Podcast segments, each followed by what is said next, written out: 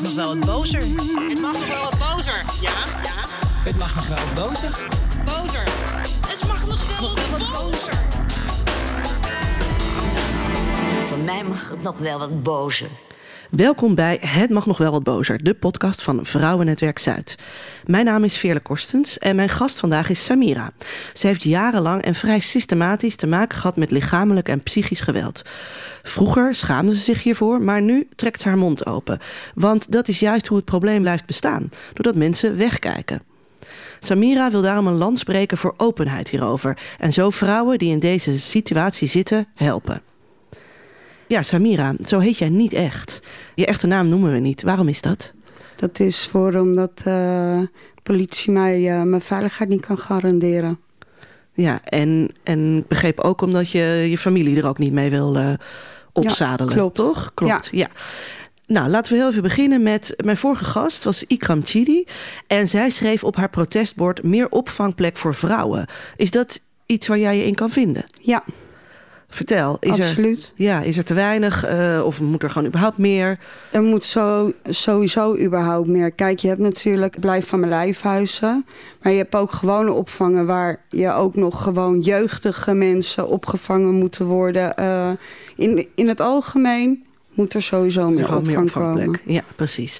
Want wat heb jij zelf meegemaakt? Uh, ik ben jaren mishandeld, psychisch fysiek en seksueel. Ik ben op jonge leeftijd in de prostitutie beland.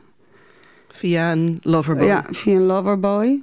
Want ik hoorde er nooit bij. En begon eigenlijk al op de lagere school dat ik altijd gepest werd. En op de middelbare school begon het weer het eerste jaar. En toen dacht ik, ga het knop om en ga ik me tegen, te, tegen verzetten. Ik werd populair omdat ik mijn eigen kleding kon dragen. Eindelijk mocht kopen van mijn moeder. Make-up. En toen hoorde ik er wel bij. Maar ja, ik had geen interesse meer in uh, die jongetjes van school. Omdat ik voor mijn gevoel al veel verder was. En dat was denk ik ook wel zo. En ja, ik kreeg oudere vriendjes en de volledige aandacht. En voor ik het wist, zat ik erin. Ja, heel op een hele langzame, sluikse manier, zonder dat jij het door hebt, zit je er eigenlijk al in. In een web waar je niet zomaar uitkomt. Want die langzame, sluikse manier, uh, voor ja, heel veel mensen is dat natuurlijk lastig te begrijpen. Dat gaat, je krijgt een vriendje en die neemt jou eens mee. En dan gebeurt het een, dan gebeurt het ander. En langzaam denk je dat dat normaal is? Ja, je, ja eerst gaat hij heel lief doen. En zeg maar zoals elke relatie zeg maar wel begint. Um, je krijgt steeds cadeautjes. En ze, ze zoeken een manier dat ze uh, kunnen manipuleren. Dat ze jou helemaal kunnen uh, brainwashen. En, maar aangezien ik nogal een eigenwijs karaktertje heb en nee is nee, uh, ben ik door drogeren. Ben ik er, uh, ze gaan je drogeren als jij niet meewerkt. Vetver. En zodoende ja, is het steeds van kwaad tot erger gegaan. En, en je moeder, had die iets door? Nee, ik hield het uh, thuis stil. Ja. En, dubbel leven eigenlijk. Ja. En, dat, en dat heeft jarenlang voortgeduurd, ja. dit leven. Ja. En, en hoe ziet zo'n leven eruit? Nou ja, ik, wer, ik werkte nog gewoon erbij. Ik deed ook nog een opleiding erbij. Dus ik, ik had sowieso wel een heel, het heel erg druk. Um, dus je had, laat ik zeggen, ander werk en prostitutiewerk tegelijk? Ja, ja. Ja, ik werd ook in de gaten gehouden wanneer ik klaar was. Uh, nou, ik was bijna nooit bij mijn ouders. Ik ging ook al heel vroeg het huis uit. Uh, ja, het ging ook niet goed thuis. Uh, mede door mijn gedrag, maar ook natuurlijk...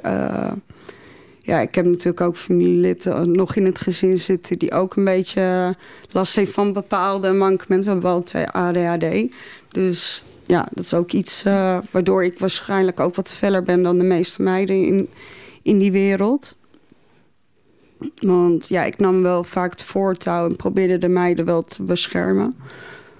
Dus, hoe, hoe, hoe doe je dat? Nou ja, als je niet woude, probeerde ik me wel op te offeren. Maar ja, het, was, het gebeurde ook wel eens als je weigerde dat je vastgeketend werd en dat je kon toekijken hoe dat andere meisje werd. Uh, en als je niet keek, dan kreeg je weer een klap voor je voor je, voor je, ja, voor je smoel, zeg maar. Het is echt niet voor te stellen, dit. Nee, het is echt onmenselijk. Dat gaat nooit meer uit mijn hoofd. Nee, dat snap ik. Ja. Zie je het aan je. Ik word er nog heel boos om. Ja, en, en hoe ben je er uiteindelijk uitgekomen? Want we zijn nu ongeveer 20 jaar verder. Ja. En hoe, hoe is dat gelukt? Nou, ik heb natuurlijk wel tussendoor gewone vriendjes... eh, ja, een beetje zo tussendoor eh, gehad. En ook wel een relatie waar ik het ook allemaal voor moest verbergen. En ik kreeg een vriendje die eh, een van de grootste eh, gasten in, in, ja, in dat netwerk eh, kende. Waardoor ze mij uiteindelijk hebben vrijgekocht. Alleen ja, die jongen was ook niet goed voor mij. Dus die jongen heeft jou wel uit die wereld gekregen. Ja, samen alleen- met die andere jongen, ja. Alleen toen kwam je een beetje van de regen in de drup. Ja. Want hij... was psychisch. eh, eh, hij mishandelde me psychisch. En daarvoor had ik een relatie wat ook nog heel erg lichamelijk was. Dus, Dus ja. jij dacht in eerste instantie, ik ga erop vooruit. ja, En in tweede instantie bleek... ook dat een fout te zijn, ja. En hoe moet ik me dat voorstellen, psychisch mishandelen? Kleineren. ehm, eh, zeg maar, ja, je zit natuurlijk met trauma's. eh, eh, niet begrijpen dat je geen seks wil, dus toch dwingen tot seks.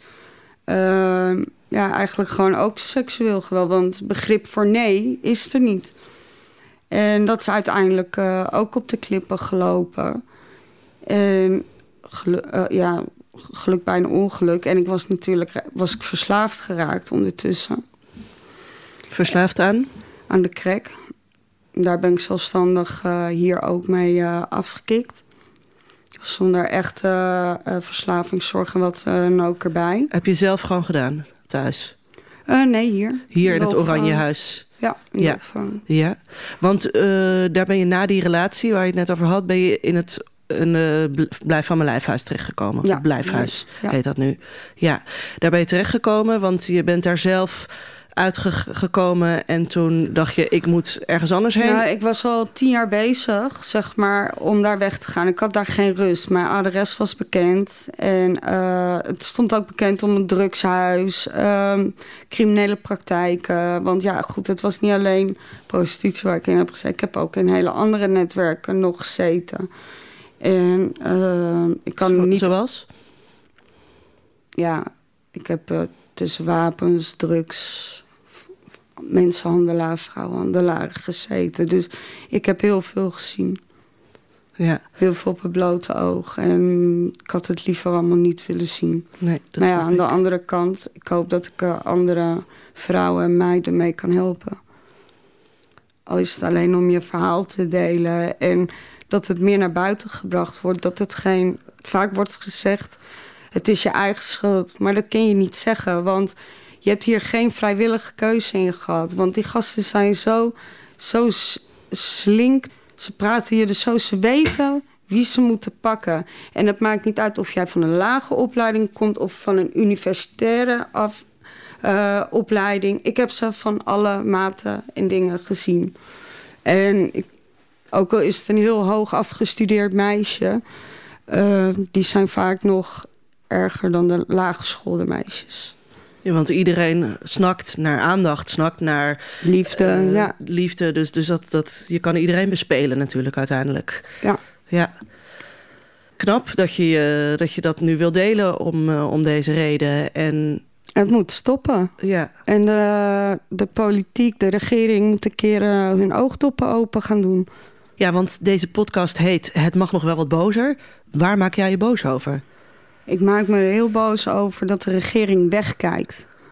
Je hoort heel veel dingen. Het gaat alleen nog maar over corona, corona. Maar ondertussen, huiselijk geweld is wel dubbele gestegen.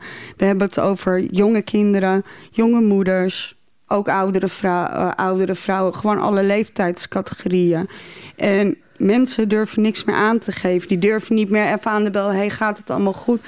Ook al doe je dat niet, schakel politie. Een politie kan beter te veel aan de deur staan dan te weinig. Eh, ik denk dat er al op de middelbare school ingegrepen had moeten worden naar bepaalde gedragingen. Want je kent toch wel bepaalde gedragingen lezen. Ieder geval nu achteraf kan Zoals wat dan? Bijvoorbeeld, ik ben een eh, leraar op een middelbare school. Wat zou ik dan kunnen zien? Nou ja, dat een, eh, iemand toch een beetje continu zenuwachtig. Misschien een telefoontje zit te checken. Toen waren nog maar net die grote koelkasten uit, weet je wel. Checken en toch de hele tijd onder de zenuw naar buiten te kijken. Je laat En- nu ook een beetje zien hoe dat eruit ziet. Dus dat je Ja. de hele tijd aan het bewegen bent. Ja, En- nou, dat heb ik al sowieso door de ADHD. Maar dan, ja, je, je, je, voelt je opgejaagd. Je bent nerveus. Je bent bang. En ja, ik zat natuurlijk behoorlijk eh, altijd onder de blauwe plekken. En eh, ik kon het altijd heel goed verbergen met make-up. En, eh, maar alleen, ik, ja, ik hield niet meer van mezelf.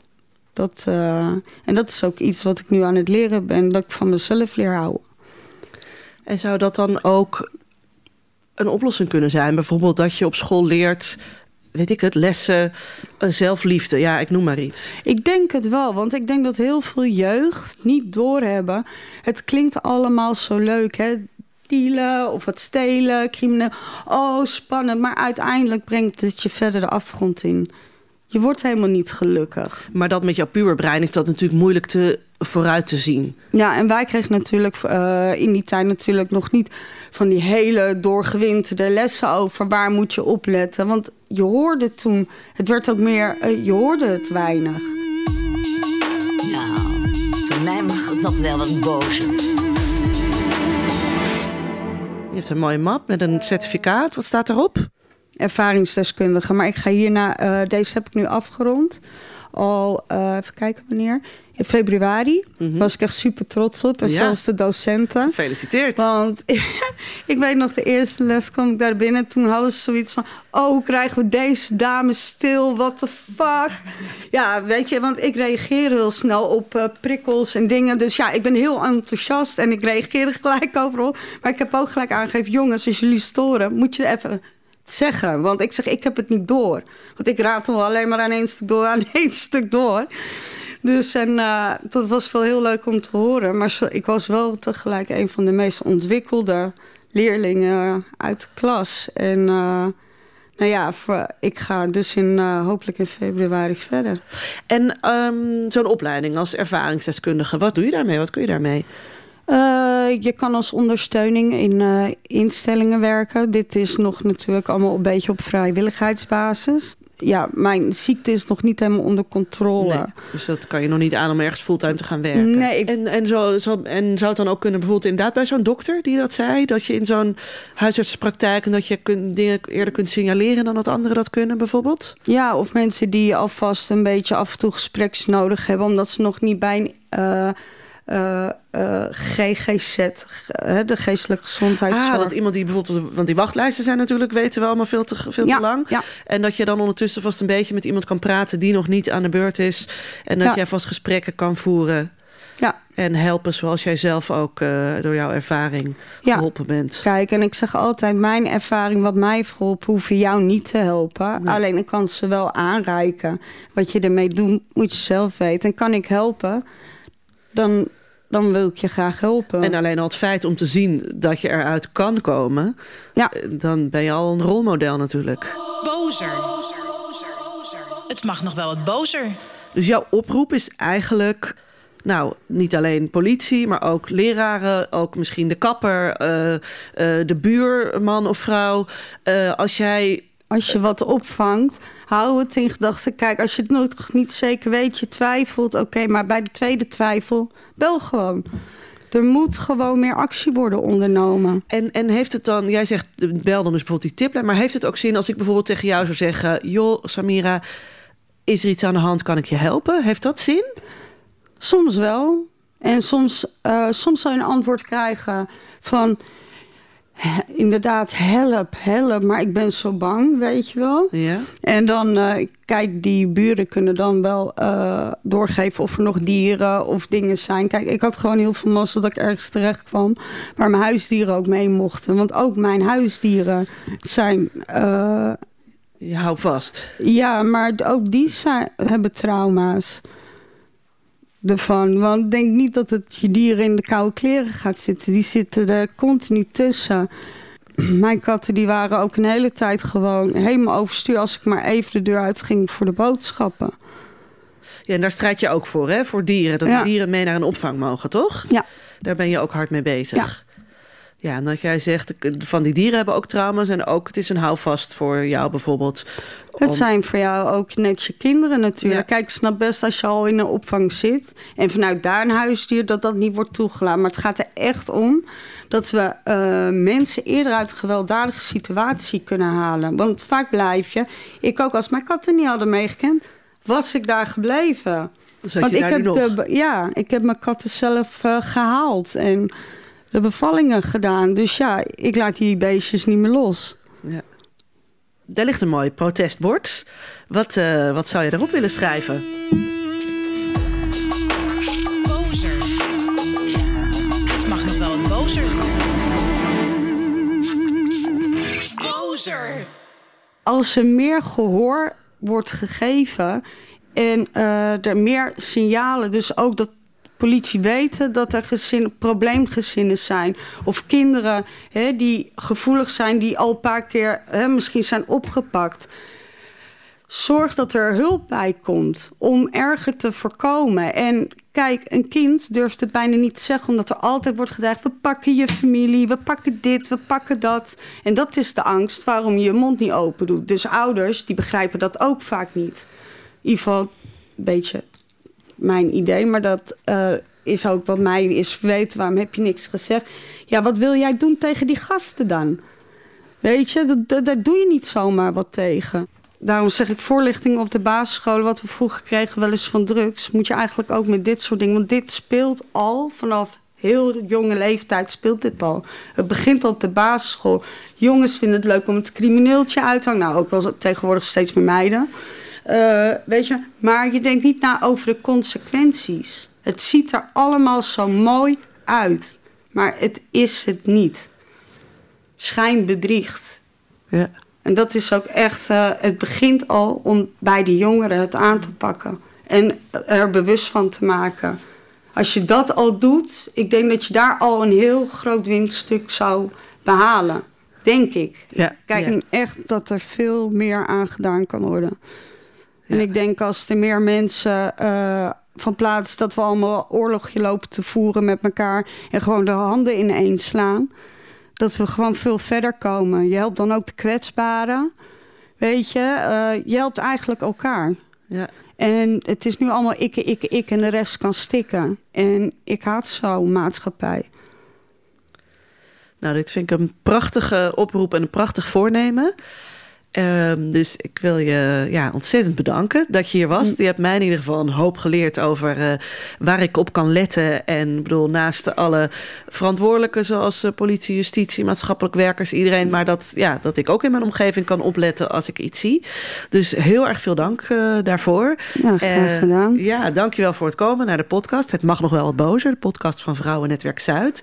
Dus nou, Samira, ontzettend fijn dat je hier was. En nou, dat je ons allemaal op het hart drukt om te letten op mensen om je heen als er iemand klem zit. En doe er dan wat mee. Ehm, ik dank ook iedereen voor het luisteren. Fijn dat jullie er weer bij waren. En ja, vind je deze podcast interessant? Eh, druk dan op dat like-knopje in je podcast-app. En eh, ja, of deel hem op sociale media. Of deel hem met je vrienden. eh, waarvan je denkt dat die er wat aan kunnen hebben. En voor nu, tot de volgende aflevering.